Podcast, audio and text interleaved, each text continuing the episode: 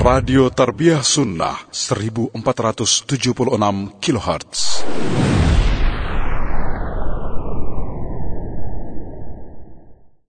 بسم الله الرحمن الرحيم السلام عليكم ورحمة الله وبركاته إن الحمد لله نحمده ونستعينه ونستغفره ونعوذ بالله من شرور أنفسنا والسيئات أعمالنا. من يهده الله فلا مضل له وما يضلل فلا هادي له. وأشهد أن لا إله إلا الله وحده لا شريك له. وأشهد أن محمدا عبده ورسوله. يا أيها الذين آمنوا اتقوا الله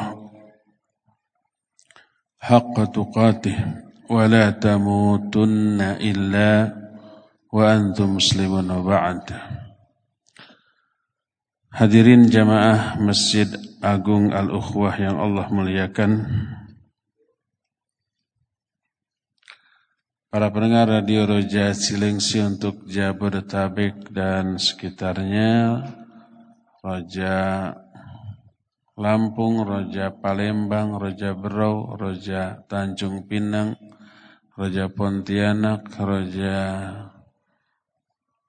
Surabaya, dan mungkin ada roja lain di kota lain yang saya tidak tahu, tapi ikut gabung. Juga para pendengar Radio Albayan Cianjur, Radio Tarbiyah Sunnah Bandung, Radio dan TV RBK Kebumen, Radio Satu Lombok, Radio Suara Kalbu Jayapura, Radio Amuba Pangkal Pinang, Radio Hidayah Pekanbaru dan pemirsa Asil TV di Pekanbaru. Alhamdulillah kita kembali jumpa.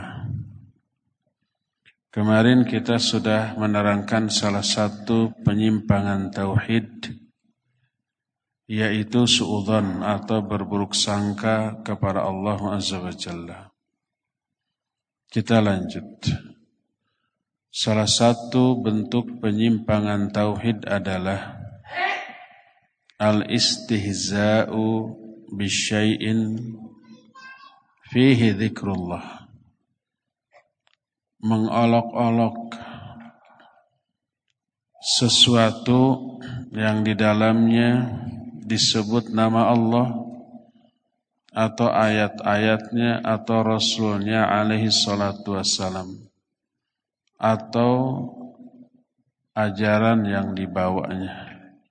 Disebut dengan sebutan istihza. Menjadikan agama sebagai bahan candaan, bahan guyonan, bahan lawakan. Menjadikan agama sebagai bahan olok-olok. Ini nyata-nyata bertolak belakang dengan tauhid. Karena setiap muslim wajib ihtiram. Memuliakan, mengagungkan, menghormati kitab Allah, sunnah Rasulnya alaih salatu wassalam, para ulamanya. Wajib untuk memuliakan semuanya itu. Wajib juga mengetahui hukum mengolok-olok sesuatu yang di dalamnya disebut diterangkan Allah tentang Allah, asma dan sifatnya, tentang Quran, tentang Rasulnya, tentang sunnah Rasulnya, tentang agama yang dibawanya, wajib semuanya itu diketahui. Bagaimana hukum mengolok-olok semua itu agar kita bisa waspada. Wanti-wanti jangan sampai terjerumus. Karena siapa yang mengolok-olok Allah, mengolok-olok Quran, mengolok-olok Rasulnya Sallallahu Alaihi Wasallam atau sunnah yang dibawanya, mengolok-olok agama ini, dia ini telah kufur kepada Allah Azza wa sebab menganggap rendah terhadap kerububiahan Allah dan risalah Allah. Dan ini bertolak belakang dengan tauhid. Orang seperti ini kufur berdasarkan nas Al-Quran dan ijma' para ulama. Allah berfirman di dalam Al-Quran At-Taubah 5 At-Taubah ayat 6566 Kata Allah Subhanahu wa taala Wala in sa'altahum la yaquluna innama kunna nakhudhu wa nal'ab Qul abillahi wa ayatihi wa rasulihi kuntum tastahzi'un la ta'tadhiru qad kafartum ba'da imanikum Kata Allah kalau kamu bertanya kepada mereka mereka yang dimaksud itu yang menghina Nabi dan para sahabat dihina Nabi dan para sahabat Terus hinaannya ini sampai kepada Nabi Shallallahu Alaihi Wasallam. Allah menurunkan ayat. Kata Allah kalau kamu tanya kepada mereka, mereka pasti menjawab, oh kami hanya bercanda, kami hanya main-main, herei kata orang Sunda, ya, nggak sungguh-sungguh. Jawab oleh Muhai Muhammad, Abillahi wa ayatihi wa rasulihi kuntum tastahziun. Apakah tentang Allah, ayat-ayatnya, Rasulnya kalian perolok-olokan, kalian permainkan, kalian jadikan bahan candaan, bahan guyonan, la ta'tadiru jangan berkelit, jangan mengemukakan alasan, jangan meminta maaf. Qad kafartum ba'da imanikum. Kalian sudah kufur setelah kalian beriman.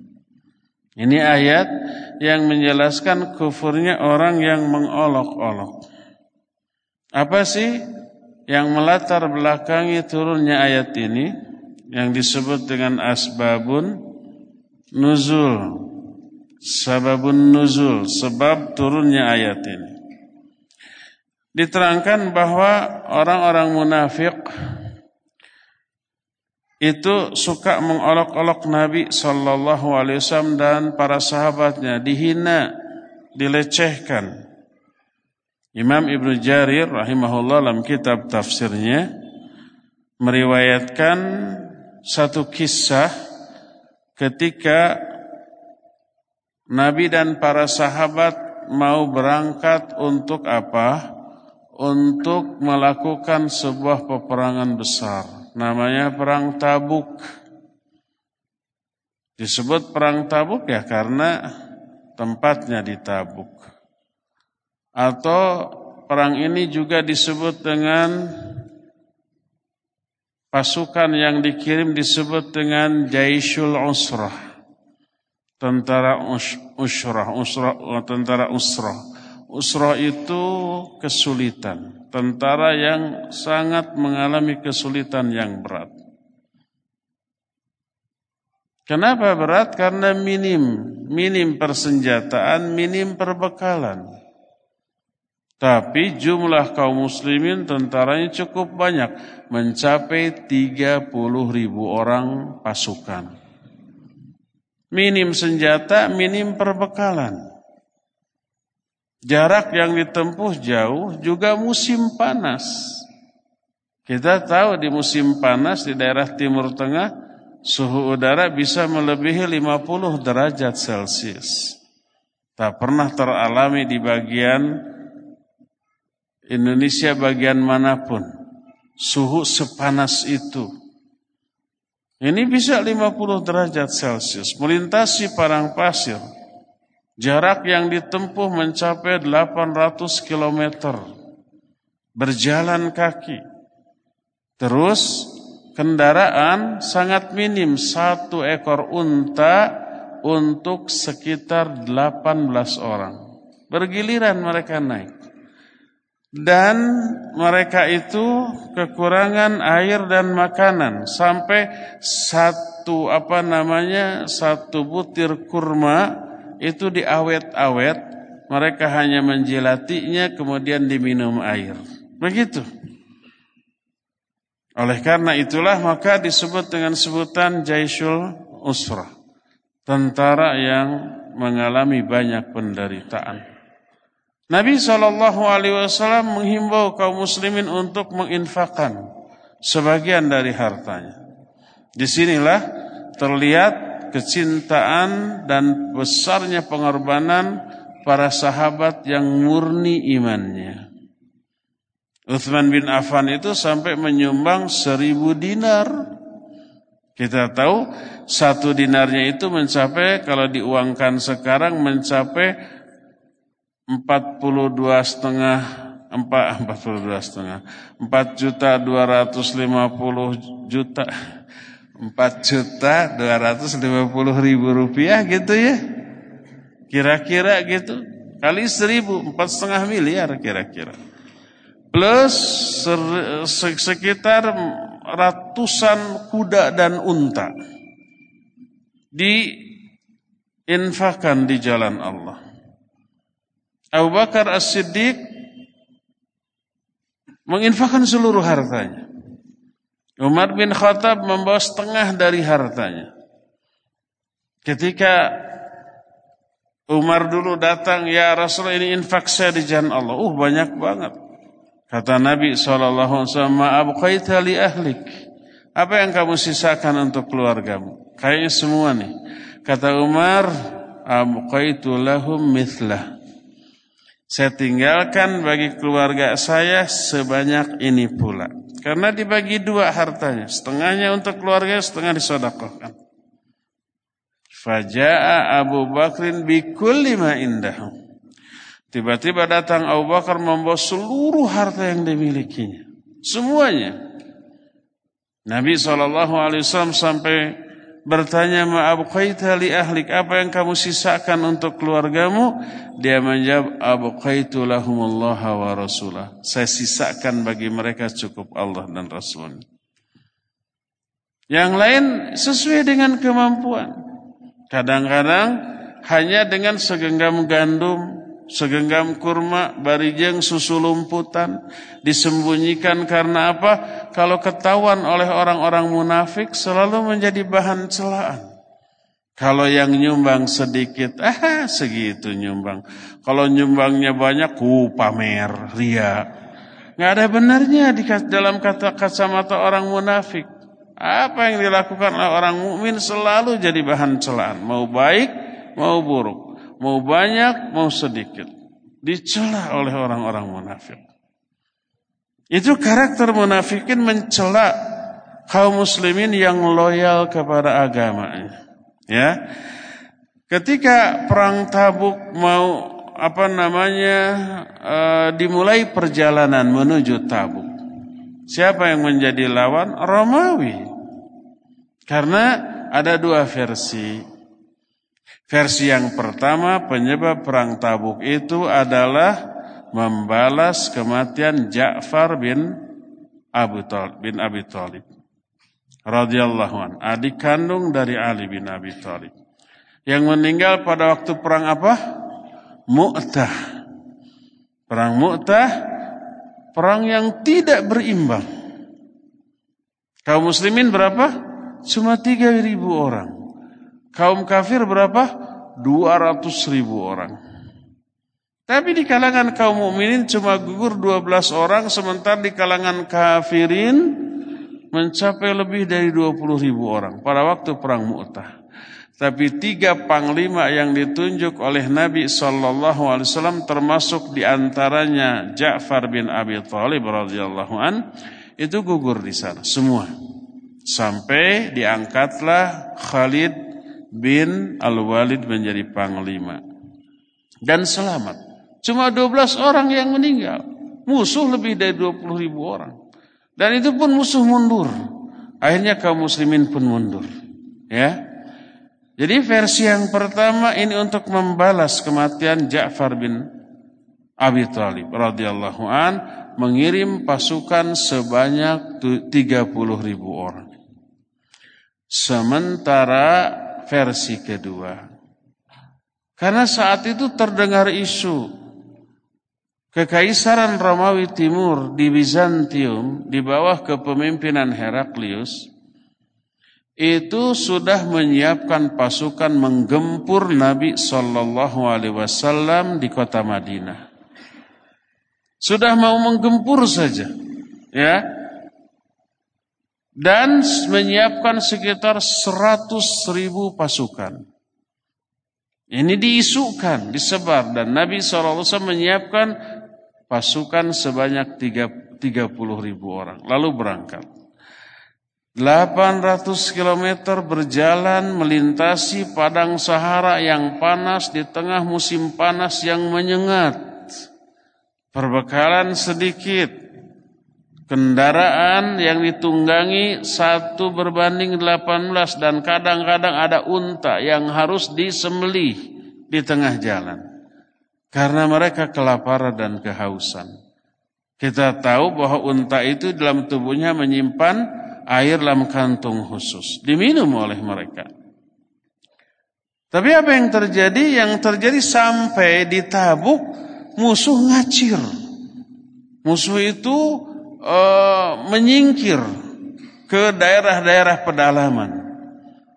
Tidak berani untuk berhadapan langsung dengan pasukan kaum muslimin. Apalagi mereka tahu yang memimpin langsung Nabi wasallam. Kita tahu salah satu dari mukjizat Nabi wasallam adalah bila beliau memimpin pasukan maka musuh yang sejarak tiga hari perjalanan, tiga bulan perjalanan itu merasakan ketakutan yang luar biasa. Para jumlah mereka lebih dari tiga kali lipat dari pasukan kaum muslimin. Kaum, kaum muslimin mah tiga puluh ribu, mereka mah seratus ribu. Mereka bercermin pada waktu perang Mu'tah. Tiga ribu orang bisa menghantam mundur pasukan yang jumlahnya 200 ribu orang padahal tanpa Nabi Wasallam. Ini 30 ribu orang dipimpin langsung oleh nabinya. Siapa yang nggak takut? Mereka menyingkir. Oleh karena itulah maka Nabi Wasallam dengan leluasa mendatangi beberapa kabilah Arab yang selama ini di bawah kekuasaan Romawi. Terus mengadakan banyak perjanjian. Dan ini keuntungan secara politis dan sosial. Dan akhirnya Nabi dan kawan-kawannya pulang kembali tanpa melakukan peperangan apa pun selama dan perjalanan yang dilakukan ini memakan waktu sampai 30 hari. PP. Dengan usaha mendekati kabilah-kabilah Arab yang didatangi. Ketika Nabi SAW mau berangkat menuju Tabuk, orang-orang munafik nyinyir.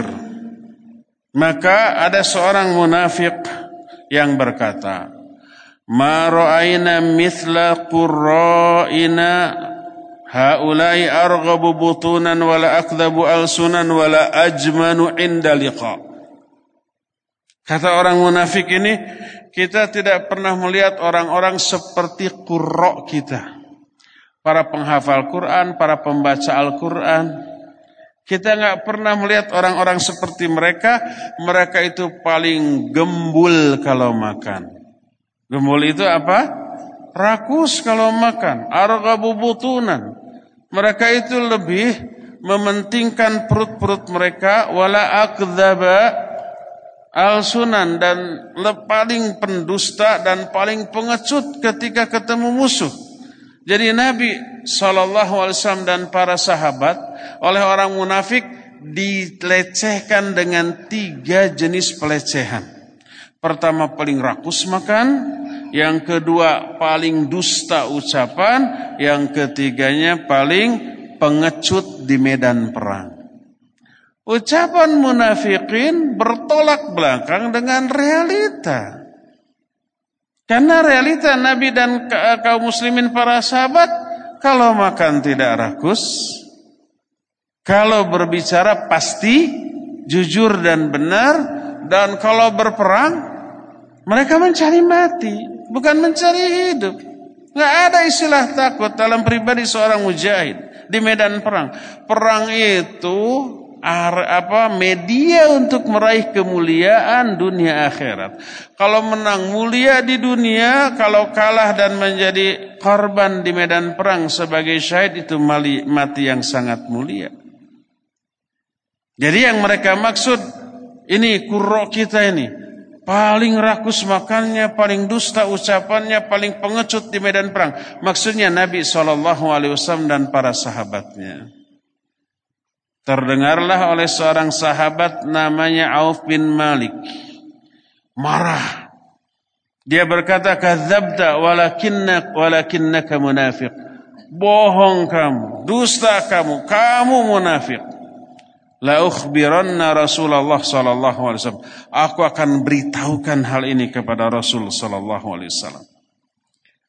Akhirnya Auf bin Malik segera menyusul Rasul Sallallahu Alaihi Wasallam yang saat itu sudah berada di atas untanya. Tapi ternyata apa yang terjadi sebelum Auf bin Malik sampai di Rasul Sallallahu Alaihi Wasallam, wahyu sudah keburu turun tentang hal itu. Allah Azza wa Jalla menurunkan surah At-Taubah ayat 65-66 tadi. Kata Allah Azza wa Jalla, "Wala in sa'altahum" Kalau kamu bertanya kepada mereka orang munafik yang ngomong tadi, la yaqulunna innama kunna nakhudhu wa nal'ab. Kami hanya berkelakar, hanya bergurau, hanya bercanda, enggak sungguh-sungguh. Jawab oleh Muhammad, apakah tentang Allah ayat-ayatnya dan Rasulnya kalian perolok-olokan, kalian permainkan, kalian jadikan bahan candaan la ta'tadiru. Jangan cari alasan, jangan berkelit, jangan mencari-cari dalih untuk membenarkan kesalahannya. Qad kafartum ba'da imanikum, kalian sudah kufur setelah kalian beriman. Nah, Nabi Shallallahu Alaihi Wasallam saat itu sudah berada di atas untanya. Lalu orang munafik itu menyusul. Menyusul kemudian dia bergelantungan di pelana unta Rasul Shallallahu Alaihi Wasallam sampai memohon-mohon sampai kaki-kakinya itu tersandung-sandung ke batu-batu dan kerikil-kerikil. Dia berkata, "Ya Rasulullah, innama kunna nakhudu wa natahaddatsu haditsar raqab naqtau bihi anna tariq." Wahai Rasulullah, kami tadi hanya bercanda, kami hanya ngobrol obrolan orang-orang yang sedang ada di perjalanan untuk membuang rasa bosan di tengah jalan. Ibnu Umar radhiyallahu anhuma yang saat itu melihat kejadian itu berkata ka'anni anduru ilaihi muta'alliqan binis'ati naqati Rasulillah sallallahu alaihi wasallam. Wa innal hijara tankibu rijlaihi wa huwa yaqul innama kunna nakhudu wa nal'am. Kata Ibnu Umar aku melihat orang itu bergelantungan di pelana kuda atau unta Rasul sallallahu alaihi wasallam Kedua kakinya tersandung-sandung batu yang dilewati. Sambil berkata, wahai Rasulullah, tadi kami hanya bercanda. Tadi kami hanya bergurau saja. Maka Rasul Sallallahu Alaihi Wasallam hanya menjawab tidak lebih tidak kurang dengan hanya membacakan ayat ini abillahi wa ayatihi wa rasulihi kuntum tastahziun la ta'tadiru qad kafartum ba'da imanikum. Apakah tentang Allah tentang ayatnya tentang rasulnya kamu perolok-olok? Jangan banyak alasan. Jangan mengemukakan dalih kamu telah kufur setelah kamu beriman. Nabi SAW selalu mengulang-ulang ayat ini ketika dia mengatakan kami hanya bercanda, kami hanya bercanda. Tidak lebih dari membacakan ayat ini. Itu surah At-Taubah ayat 65 dan 66, dua ayat dalam Al-Quran. Berkata muallif, Wa fi hatainil ayatainil karimatain ma bayani sababi nuzuliha dalilun wadihun ala kufri man istahza billah aw rasulihi aw ayatillah aw sunnati rasulih wa aw bi rasulillah.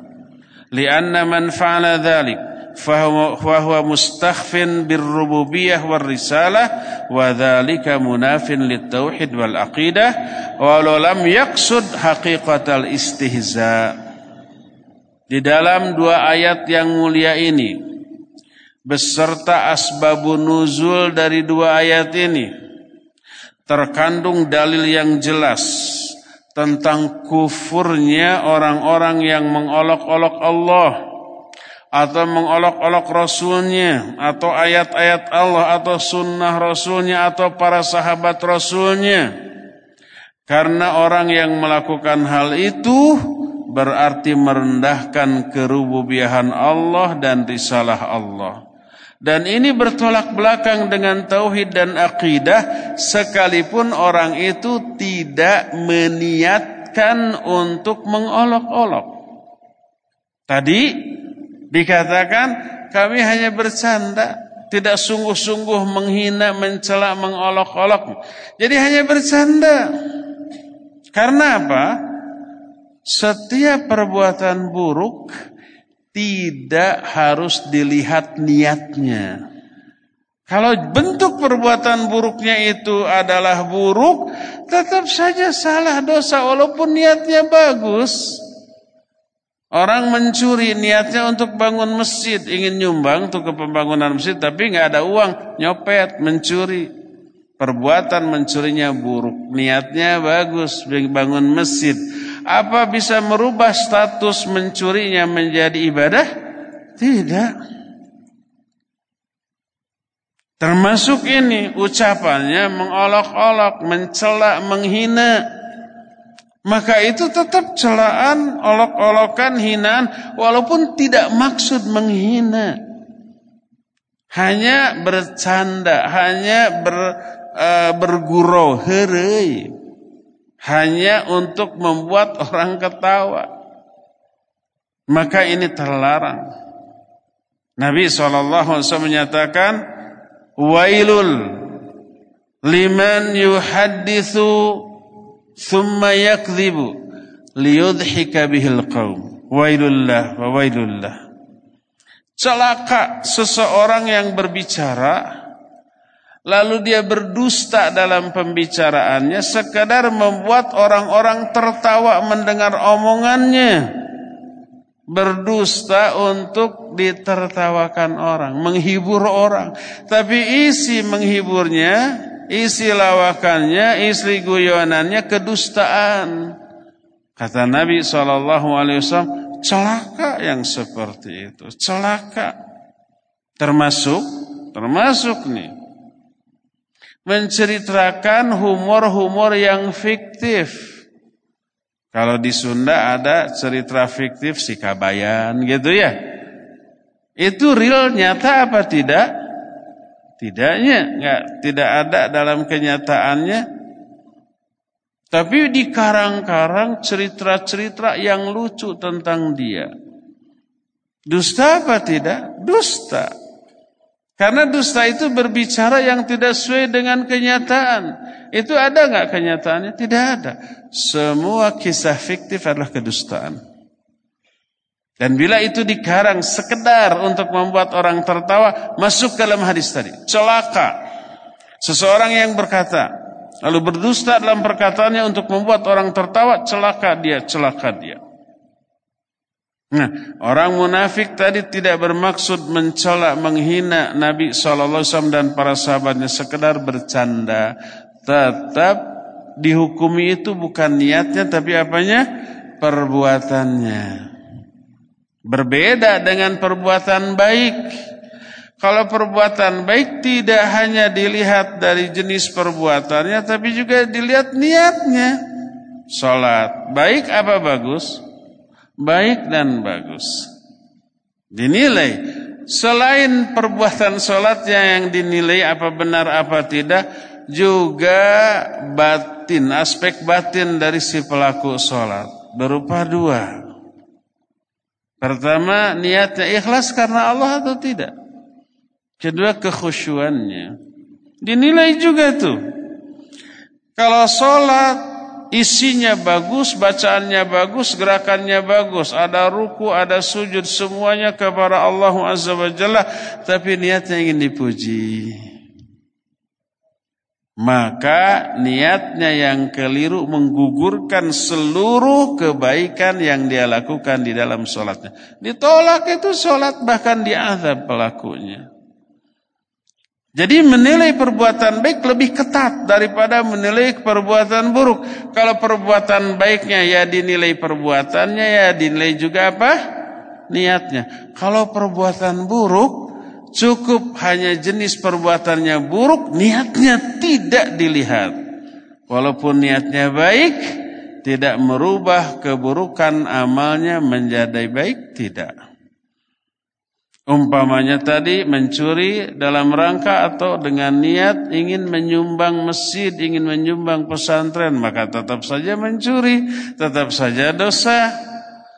Pacaran dengan niat menikmati apa mensyukuri nikmat Allah para wanita cantik itu adalah nikmat Allah wajib kita syukuri. Itu lebih konyol lagi kalau demikian ya. Dan seterusnya. Nah, Orang munafik ini walaupun dia tidak sungguh-sungguh berniat mengolok-olok, hanya bercanda tetap dihukumi kufur oleh Allah Azza wa Jalla.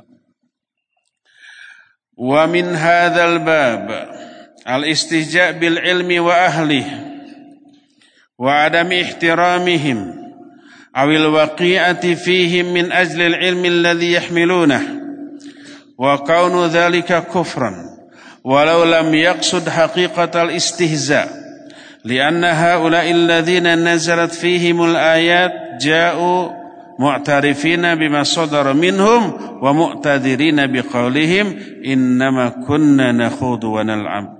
أي لم نقصد الاستهزاء والتكذيب وإنما قصدنا اللعب واللعب ضد الجد فأخبرهم الله على لسان رسوله صلى الله عليه وسلم أن عذرهم هذا لا يغني عنهم من الله شيئا وأنهم كفروا بعد إيمانهم بهذه المقالة التي استهزأوا بها ولم يقبل اعتذار اعتذارهم بأنهم لم يكونوا جادين في قولهم. إنما قصدوا اللعب. termasuk dalam bab ini. Dalam bab mengolok-olok yang terlarang adalah mengolok-olok ilmu dan para ahli ilmu, para ulamanya.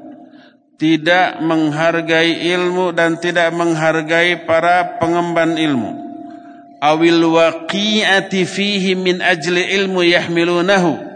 Atau waqi'ah. Waqi'ah itu mencela memfitnah, mendolimi, berbuat jahat kepada para ahli ilmu hanya karena ilmu yang mereka sebarkan, yang mereka dakwahkan, yang mereka ajarkan.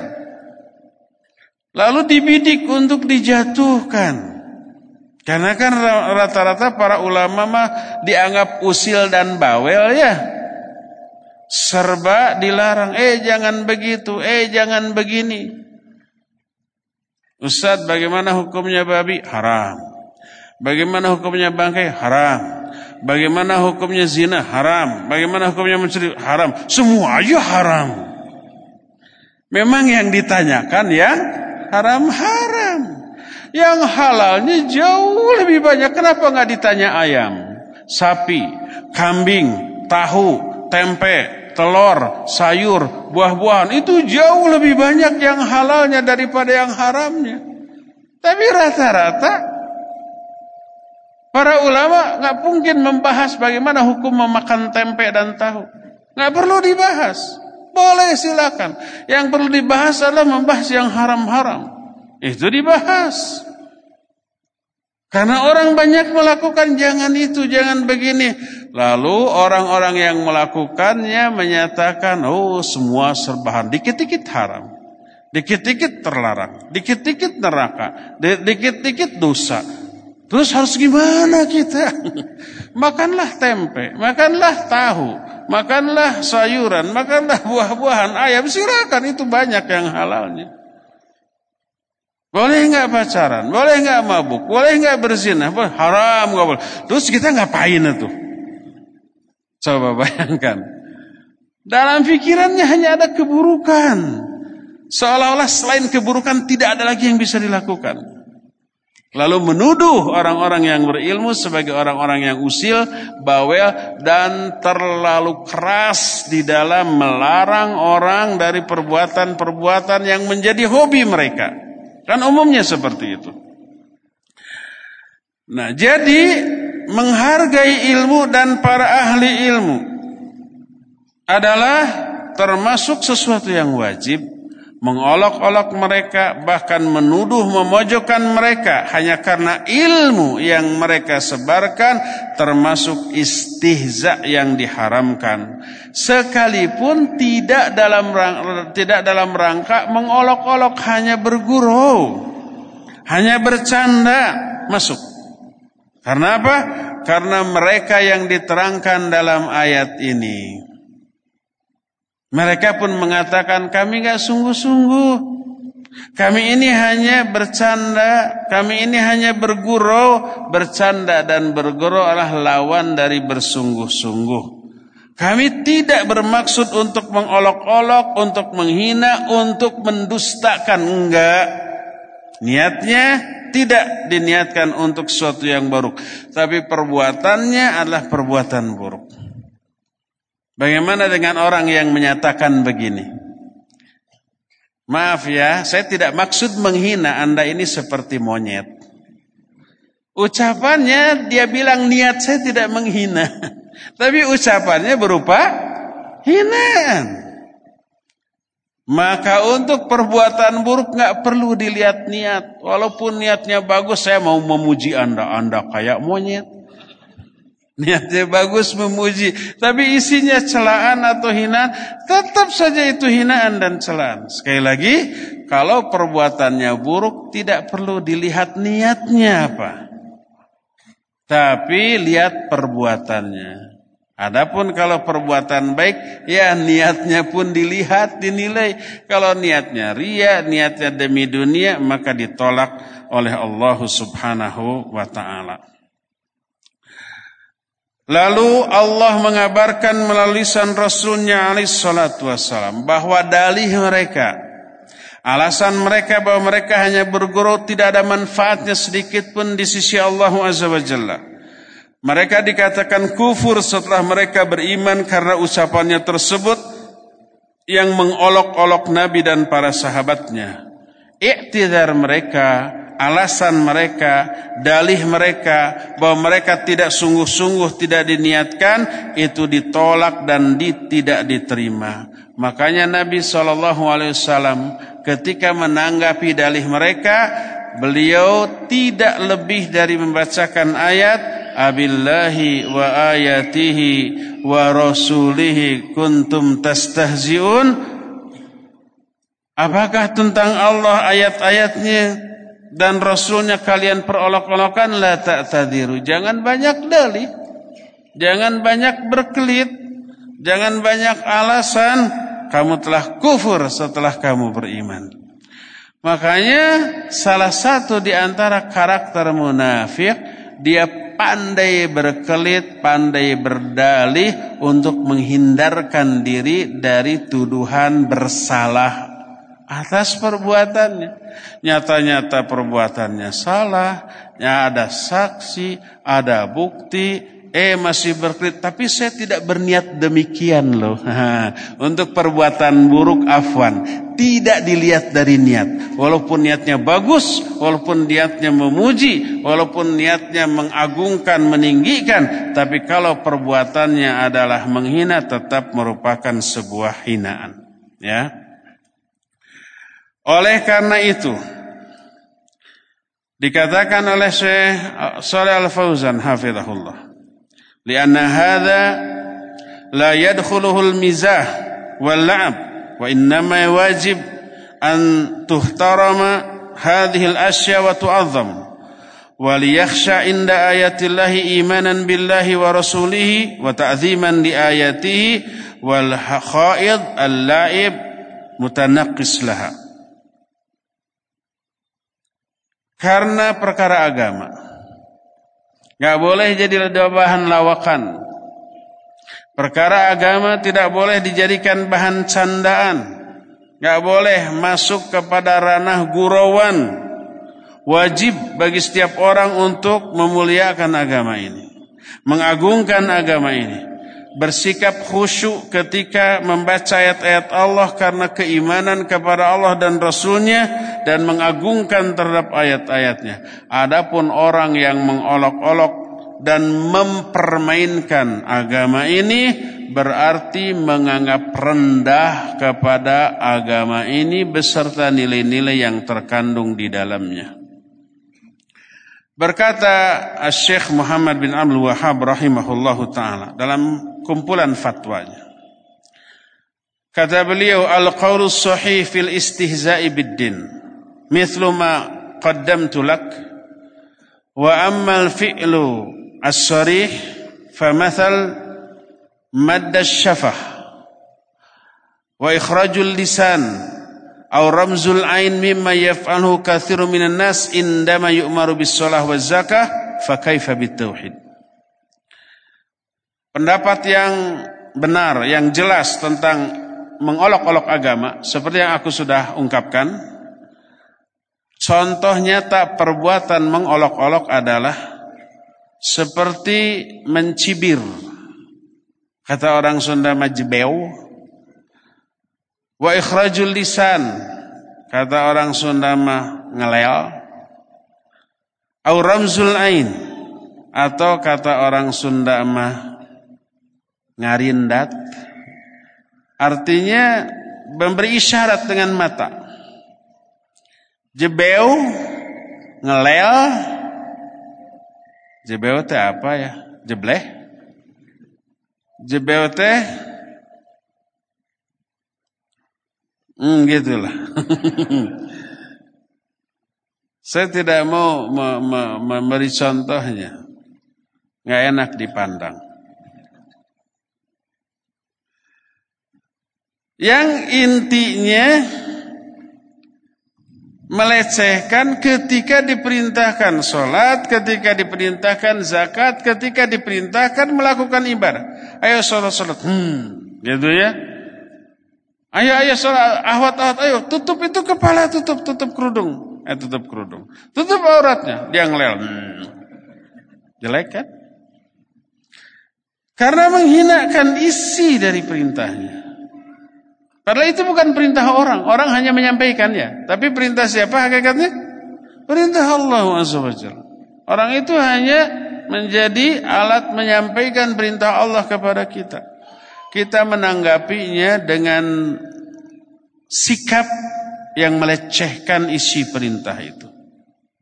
Maka itu termasuk dengan uh, istihza itu dalam hal syariat. Bagaimana tentang tauhid? Bagaimana tentang akidah? Contohnya adalah wa mithlu al istihza bis sunnati tsabitah an Rasulillah sallallahu alaihi wasallam. Contohnya mengolok-olok sunnah yang nyata-nyata bersumber dari Rasul Sallallahu Alaihi Wasallam yang diijmai oleh para ulama. Seperti contohnya umpamanya istihza mengolok-olok orang-orang yang memelihara jenggot hanya karena mengikuti sunnah Rasul Sallallahu Alaihi Wasallam. Dihina dengan dengan disebut kayak kambing, dengan disebut itu jenggot itu adalah simbol kebodohan. Makin panjang jenggotnya makin bodoh. Ada yang ngomong begitu? Nyaris tidak bisa dipercaya tapi ada. Entah di mana otaknya apa hubungannya jenggot dengan kepinteran. Ada nggak dokter, ahli syaraf, ahli anatomi tubuh yang menjelaskan bahwa jenggot itu mengurangi apa? Mengurangi kecerdasan orang. Sampai dikatakan uh, apa namanya potensi untuk cerdasnya kebedol, ketarik oleh jenggotnya. Makin panjang jenggotnya, makin tolol dia. Argumentasi yang lebih tolol mana lagi daripada itu? Ahli syaraf tidak ada yang menjelaskan begitu. Nas Al-Quran dan Sunnah juga tidak merangkan begitu. Tapi ada aja orang yang berani. Intinya sih ingin mengolok-olok sunnah Nabi SAW. Itu intinya. Jangan sampai sunnah Nabi menjadi syiar yang diamalkan oleh mayoritas kaum muslimin. Para para Nabi berjenggot. Para ulama, para sahabat berjenggot. Banyak ayat dan hadis yang menjelaskan para Nabi berjenggot. Ketika Nabi Musa marah kepada Nabi Harun karena membiarkan Samiri membuat apa? Patung dari sapi. Kemudian beliau Nabi Musa baru pulang menghadap Allah Azza wa Jalla melihat uh, kaumnya begitu ditarik jenggotnya. Kata Nabi Harun, jangan engkau tarik jenggotku wahai saudaraku. Berjenggot. Nabi SAW itu kalau wudhu, beliau ketika mau mengusap apa namanya uh, ketika mencium wajahnya beliau menselai-selai sela-sela jenggotnya dengan jari-jari. Kadang-kadang mengambil air yang kata orang Sunda nyala langkrung di jenggot. Nah, yang menyalangkrung di jenggotnya diambil kemudian dipakai untuk mengusapkan ke, ke, ke kepalanya. Beliau berjenggot. Maka itu intinya mengolok-olok sunnah. Seandainya dia terjaga lisannya maka dia akan selamat dari murka dan azab Allah Azza wa Jalla. Maka termasuk juga di antaranya adalah beristihza dengan seluruh pengamalan dari syariat Allah. Ada enggak umpamanya Akhwat yang bercadar disebut diplesetkan, di, di, di, diolok-olok dengan sebutan yang buruk, disebut ninja, disebut babagi sawah, disebut dengan sebutan mak lampir. Padahal mak lampir kan nggak dikerudung ya. Mestinya yang lebih layak disebut mak lampir adalah orang-orang yang nggak pakai kerudung.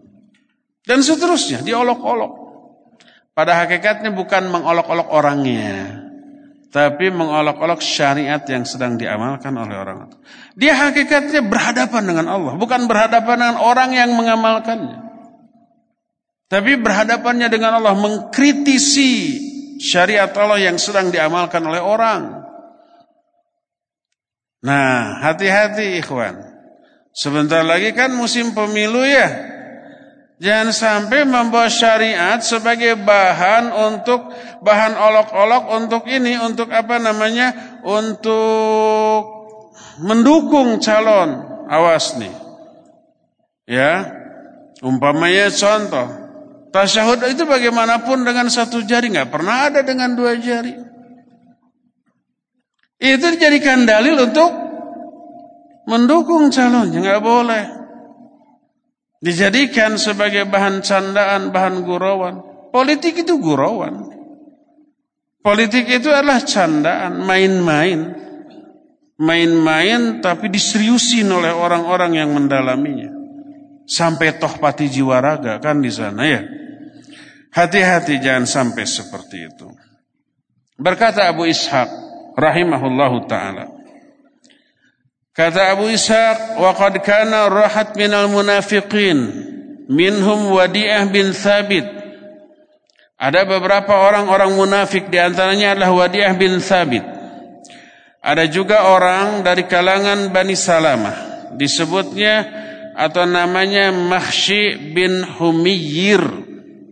Dia berisyarat kepada Rasul sallallahu alaihi wasallam.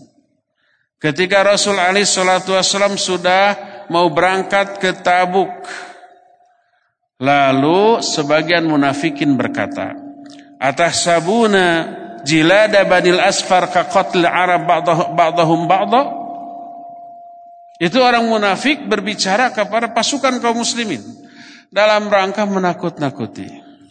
Kata mereka, apakah kalian mengira para algojo Bani Asfar? Bani Asfar itu orang-orang bule. Bani Asfar itu maksudnya adalah orang-orang Romawi. Musuh-musuh kaum muslimin saat itu. Apakah kalian mengira bahwa Bani Asfar memerangi kalian seperti orang Arab memerangi sesama orang Arab? Enggak, mereka itu lebih kecil loh. Lebih kasar, lebih kejam. Wallahi laka'anna bikum ghadan muqarranina fil hibal. Demi Allah, besok kalian tiba-tiba sudah terbelenggu, terikat dengan tali, menjadi tawanan. Dan disiksa habis-habisan. Mereka mengatakan itu irjafan wa tarhiban lil mu'minin, menakut-nakuti kaum mukminin yang akan pergi ke medan perang Tabuk. Selama ini kan kaum mukminin hanya berperang dengan uh, sesama bangsa Arab, selalu menang. Di perang Mu'tah berperang melawan masih bangsa Arab digabung dengan orang-orang Romawi, tapi menang 3000 melawan 200.000 orang. Nah, maka saat itu Makhsy bin Hamir panas mendengar omongan itu. Greget. Dia berkata, "Wallahi lawadidtu anni uqadi ala ayyudraba kullu rajulin minna mi'ata jaldah." Demi Allah, saya sangat ingin saya yang menjadi hakim atas mereka lalu mereka masing-masing dihukum dijilid seratus kali. Dan aku berharap Semoga Al-Quran ada yang turun atas ucapan mereka tersebut. Lalu Nabi Wasallam mendengar ocehan orang-orang munafik berdasarkan wahyu. Lalu beliau berkata kepada Ammar bin Yasar. Kata Nabi alaihi wasallam adrakal kaum fa innahum qad ihtaraku fasalhum amma qalu Fa in fa in angkaru faqul bala qultum kada wa kada. Kata umat kata Nabi SAW kepada Ammar, hmm, ada yang ngomong macam-macam tuh, ya. Tanya oleh kamu, apa yang mereka katakan? Kalau mereka ingkar, katakan ya kalian telah mengatakannya. Maka Ammar pun berbalik lagi, mendatangi orang-orang munafikin lalu mengatakan seperti apa yang dikatakan oleh Rasul wasallam. Orang munafikin terkejut, disangkanya omongannya tidak akan sampai kepada Rasul sallallahu alaihi wasallam. Mereka lalu mendatangi Rasul sallallahu alaihi wasallam meminta maaf dan apa dan juga mengemukakan dalih kepada Rasul sallallahu alaihi wasallam bahwa mereka itu hanya bercanda hanya bergurau, tidak bermaksud sungguh-sungguh.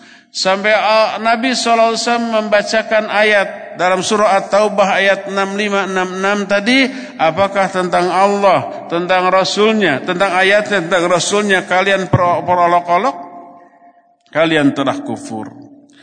Berkata Makhsy bin Hamir, "Ya Rasulullah, faqada bi ismi wa ismi abi, wa kana alladhi ufi'an fi hadil ayat." Saat itu Makhsy bin Hamir termasuk orang yang bergabung dengan orang munafik tersebut. Ikut mengolok-olok. Lalu dia itu menyadari kekeliruannya, kesalahannya lalu tobat. Makanya sebagian orang-orang yang mengolok-olok itu ada yang diampuni oleh Allah. Dan termasuk di antaranya adalah orang ini.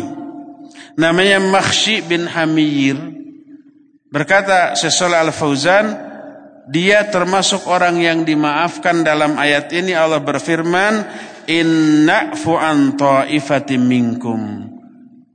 Ada di kalangan golongan mereka yang kami maafkan dan ada juga yang tidak. Maka sebagai bentuk tobatnya Makhsi bin Hamir ini yang namanya Abdurrahman, ya, dia memohon kepada Allah. Apa permohonannya berdoa, Ya Allah matikan aku sebagai syahid dan tak ada seorang pun yang mengetahui kesyahidanku. Bukti taubatnya. Ya Allah matikan aku di medan perang dan jangan sampai ada seorang pun yang tahu di mana kematianku. Dan ternyata setelah taubat di beberapa tahun yang akan datang setelah Nabi wafat, dia ikut perang Yamamah dan terbunuh sebagai syahid tapi tidak ditemukan jasadnya sama sekali. Tidak ada yang mengetahui di mana dia berada. Ya. Dan ini menunjukkan dikabulkannya doa orang seperti itu. Berkata Syekhul Islam Ibn Taimiyah rahimahullah. Faqad akhbaru annahum kafaru ba'da imanihim مع قولهم إنا نتكلمنا بالكفر من غير اعتقاد له بل كنا نخوض ونلعب. وبين أن الاستهزاء بآية الله كفر ولا يكون هذا إلا ممن شرح صدره بهذا الكلام. ولو كان الإيمان في قلبه لمنعه أن يتكلم بهذا الكلام. Allah telah mengabarkan dalam ayat tadi bahwa mereka itu kafir setelah mereka beriman. Hanya karena mereka mengatakan kami mengatakan kekufuran tanpa disertai keyakinan, hanya bercanda, hanya bergurau. Allah pun menjelaskan bahwa mengolok-olok ayat-ayat Allah adalah kufur dan ini tidak mungkin diucapkan kecuali oleh orang-orang yang memang hatinya rela dengan isi ucapannya. Seandainya ada iman di dalam hatinya, pastilah keimanan itu akan mencegah dia untuk berbicara seperti itu. Sekarang beginilah. Jangankan agama, jangankan Allah dan Rasulnya. Kita semua punya orang tua. Dan orang tua kita mungkin banyak melakukan kesalahan kepada kita sebagai anaknya. Kadang-kadang kita kesal dan mangkal. Tapi ketika ada orang lain yang menghina orang tua kita. Bagaimana kita? Marah. Kitanya sebagai kitanya sendiri sebagai anaknya. Berani nggak menjadikan ayah ibu kita sebagai bahan candaan? Nggak, nggak mungkin. Karena terhormatnya ayah dan ibu kita. Dan ketika ayah ibu kita dijadikan bahan olok-olok oleh kawan kita, kita marah beneran. Walaupun tahu itu hanya ber, bercanda. Kita akan marah beneran, tersinggung. Itu baru ayah dan ibu kita. Allah syariatnya, ayat-ayatnya dan rasulnya jauh di bawah ayah ibu kita. Kalau dijadikan bahan lawakan, bahan candaan, bahan olok-olok, ya kita marah. Oleh karena itulah maka Allah Subhanahu wa taala menghukumi kufur kepada orang-orang yang mengolok-olok seperti itu. Al-Quran menerangkan bahwa iman di dalam hati wajib melahirkan amalan bagus dan kebagusan amalannya sangat ditentukan oleh seberapa bagus kadar imannya. Makin bagus kadar imannya, makin bagus ucapannya dan juga perbuatannya. Allah berfirman dalam Al-Quran.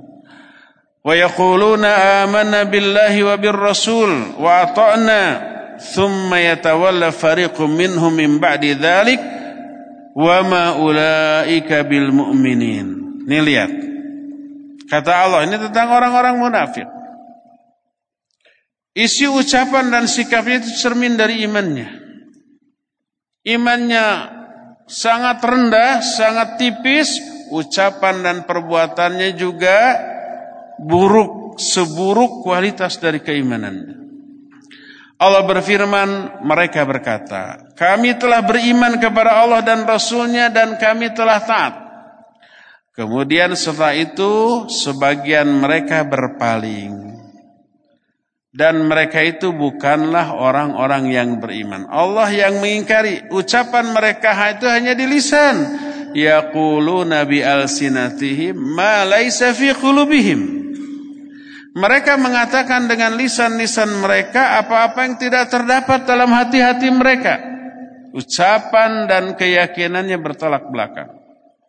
Allah mengatakan wa ma ulaika bil mu'minin mereka bukan orang-orang yang beriman. Dinafikan iman dari diri orang itu oleh Allah Azza wa Jalla. Wa idza du'u ila Allah wa rasulih liyahkuma bainahum idza fariqum minhum mu'ridun apabila mereka diseru diajak kepada Allah dan rasulnya untuk dihukumi tiba-tiba mereka itu berpaling wa iyyakun lahumul haq ya'tu ilaihi mud'inin kalau yang mereka katakan itu benar pasti mereka akan datang secara taat kalau benar tidak akan takut ya kalau takut berarti apa? Salah. Sudah melakukan kesalahan, nggak berani datang. Nggak berani untuk dikumpulkan. Nggak berani untuk dikonfirmasikan. Karena tahu itu salah.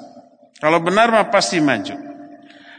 Au fi qulubihim maradun amir tabu am yakhafu ay yahifallahu alaihim wa rasuluh bal ulaika humul humul zalimun Ataukah dalam hati mereka ada penyakit? Atau mereka ragu? Atau mereka takut bahwa Allah dan Rasulnya akan berbuat dolim kepada mereka? Mereka itulah sebenarnya orang-orang yang dolim.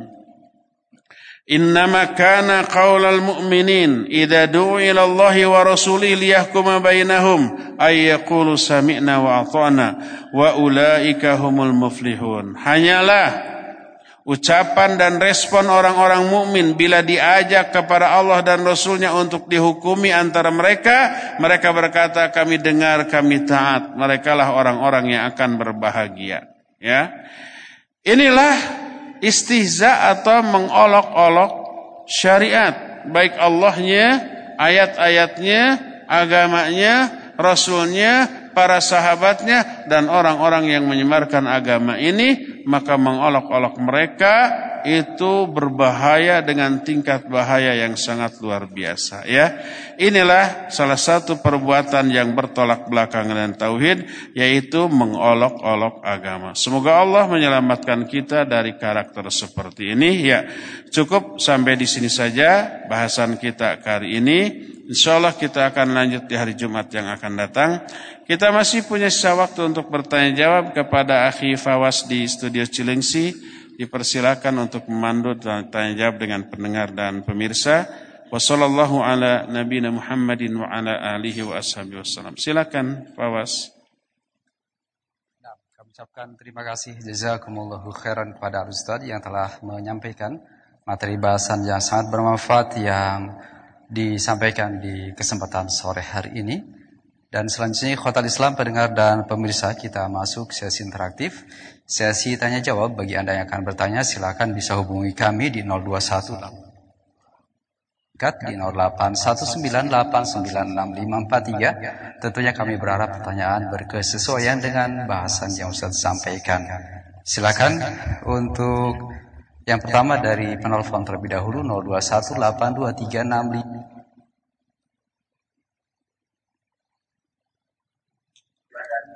Begini Ustaz, saya seorang pegawai, kebetulan guru di sekolah yang yang cara ibadahnya kebanyakan eh, tidak sesuai dengan sunnah. Misalnya, ya perayaan-perayaan maulid,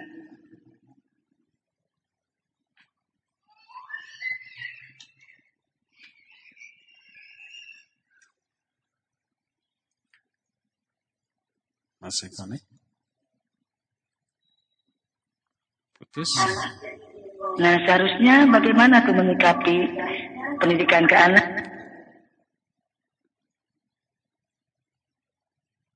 atau saya memberikan ilmu kepada anak tersebut. Baik, Terima kasih. Ibu. Terima kasih Ibu Barakallahu fiik. Jazakillah khairan eh, atas interaksinya. Silahkan Ustaz. Baik, barakallahu fiik. Ibu yang barusan bertanya, beliau guru di sebuah sekolah yang banyak ibu yang barusan terjadi penyimpangan dalam menjalankan agama. Apa yang harusnya ibu lakukan? Ya pertama semaksimal yang bisa berdakwah dengan cara yang ma'ruf. Dengan cara yang baik. Tidak boleh dengan cara yang bisa melahirkan madarat yang lebih besar.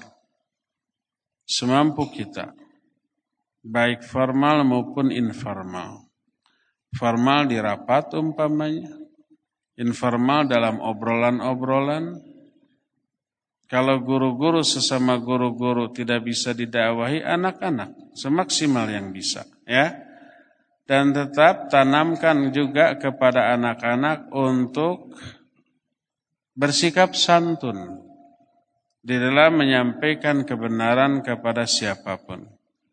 Jangan diajari frontal, jangan diajari sikap yang kasar, sikap yang membuat orang menjadi tidak simpati atas cara dakwah yang kita lakukan. Lakukan saja secara maksimal dengan tetap istiqamah di atas kebenaran, dengan tetap tidak terwarnai dan selalu berusaha mewarnai, dengan tetap tidak terkontaminasi, bahkan kitalah yang mempengaruhi. Tetaplah istiqamah, tetap sabar, sering-sering berdoa agar Allah melimpahkan hidayah kepada kawan dan saudara kita, agar Allah mengistiqamahkan kita, tunjukkan kemuliaan akhlak, karena sering kali banyak orang tidak terdakwahi oleh ucapan lisan, tapi hatinya tersentuh dan terenyuh oleh kemuliaan akhlak, lalu berubah. Ya, paling begitu saja ibu. Wallahu alam bisawab. Silakan lagi Fawas.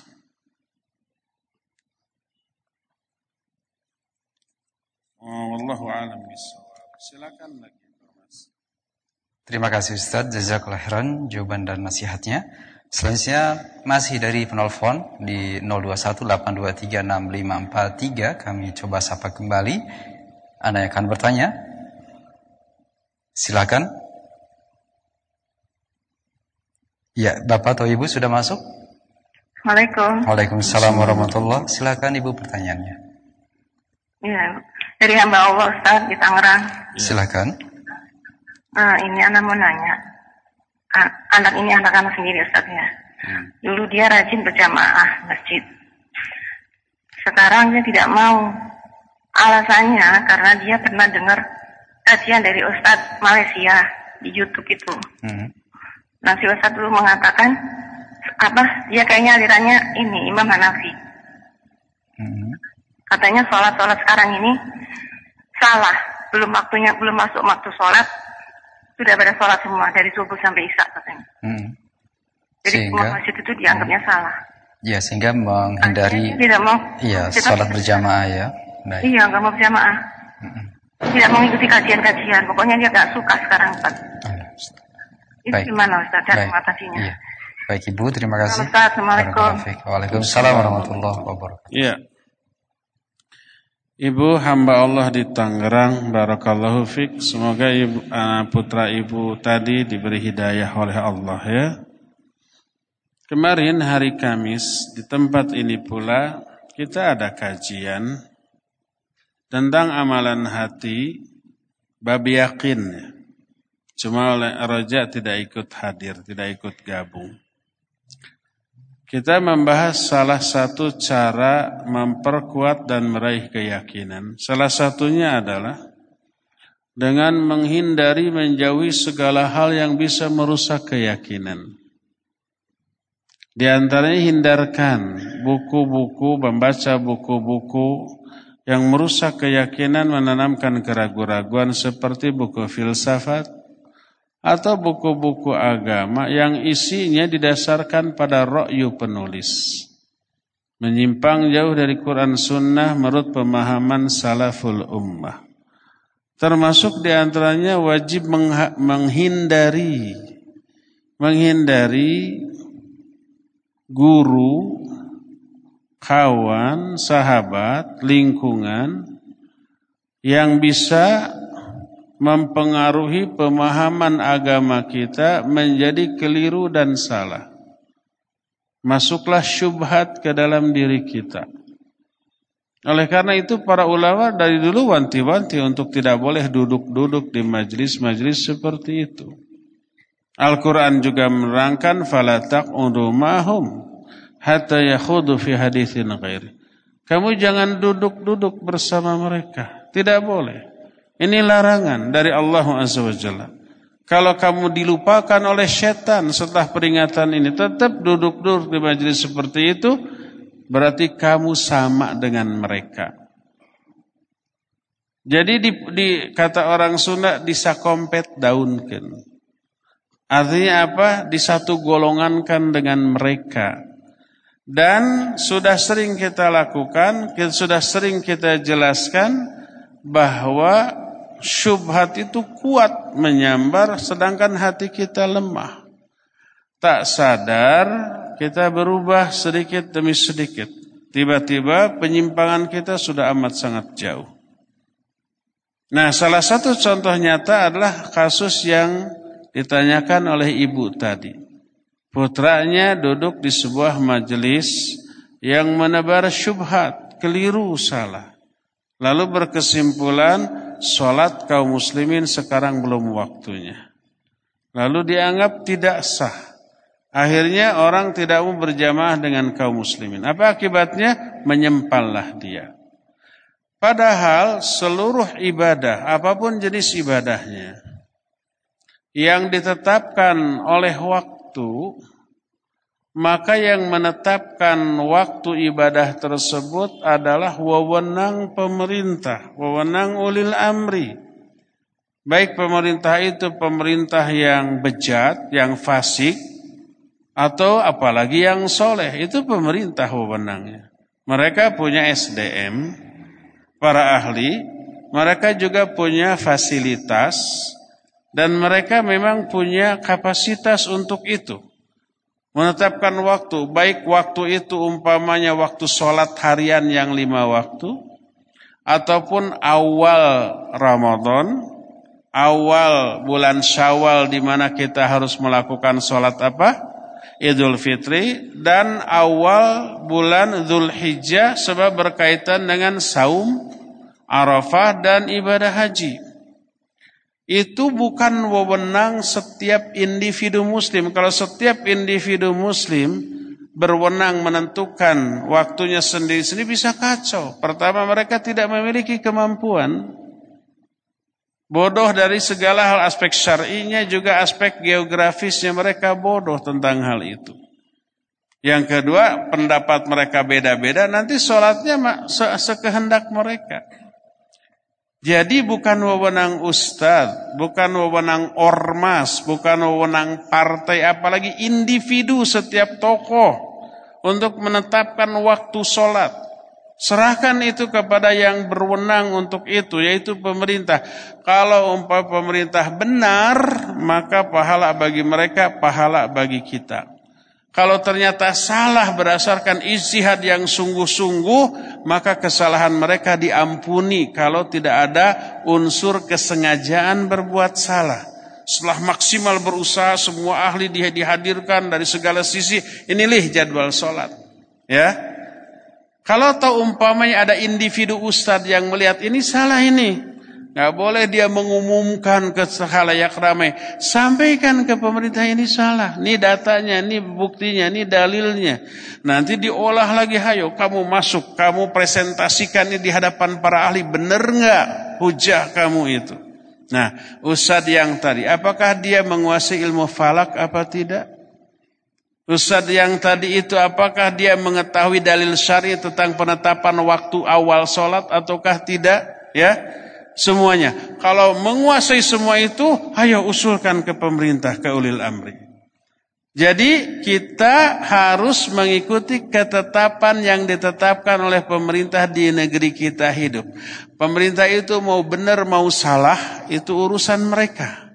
Urusan kitanya mentaatinya. Ya, kalau ternyata salah kita mah tidak dosa. Dan kita karena kita tidak punya kemampuan untuk menentukan waktu sholat. Itu menang mereka. Ternyata salah, itu kesalahan mereka. Kalau mereka salahnya sengaja, mereka dosa. Kalau tidak sengaja sudah maksimal tapi tetap salah, maka mereka diampuni. Pernah nggak Nabi SAW salah arah atau salah waktu ketika sholat? Ketika Ramadan? Pernah. Nabi SAW suatu saat sholat subuh pada waktu cuaca gelap. Nggak tahu arah kiblat. Oh dikira-kira ke sana lalu sholat. Besoknya ternyata terbukti mereka sholat tidak menghadap kiblat. Karena ketidaktahuan. Maka sah dan Nabi SAW tidak mengulang. Pernah suatu saat Ramadan mendung sampai gelap. Disangkanya sudah maghrib. Lalu mereka berbuka. Setelah berbuka makan ternyata si mendungnya itu apalagi nyingrai kata orang Sunda. Apa nyingrai teh? terbuka lagi matahari masih ada. Udah belum maghrib. Padahal mereka sudah berbuka. Maka tetap sah saumnya. Karena apa? Ketidakmampuan mereka. Ya, berdasarkan hal itulah maka sudah waktu-waktu sholat ikuti apa yang ditetapkan oleh pemerintah dan mereka sudah menetapkan itu berdasarkan kesepakatan orang-orang yang dianggap ahli di bidang itu melalui penelaahan selama sekian tahun oh matahari terbit sekian dan seterusnya, lalu mereka menetapkan waktu-waktu sholat sesuai dengan kapasitas mereka. Kita tidak memiliki kapasitas itu, sudah ikut saja. Maka sama dengan Ramadan, sama dengan Idul Adha, sama dengan Idul Fitri, sama, termasuk juga waktu-waktu sholat, maka ikutlah ketetapan pemerintah, maka insya Allah kita akan bersatu padu. Ya, Demikian Ibu, wallahu alam bisawab. Saya pikir cukup sampai di sini waktunya sudah habis. Insyaallah kita jumpa kembali di hari Jumat yang akan datang.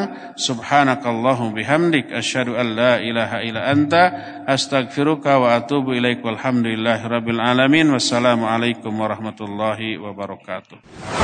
Radio Tarbiyah Sunnah 1476 kHz.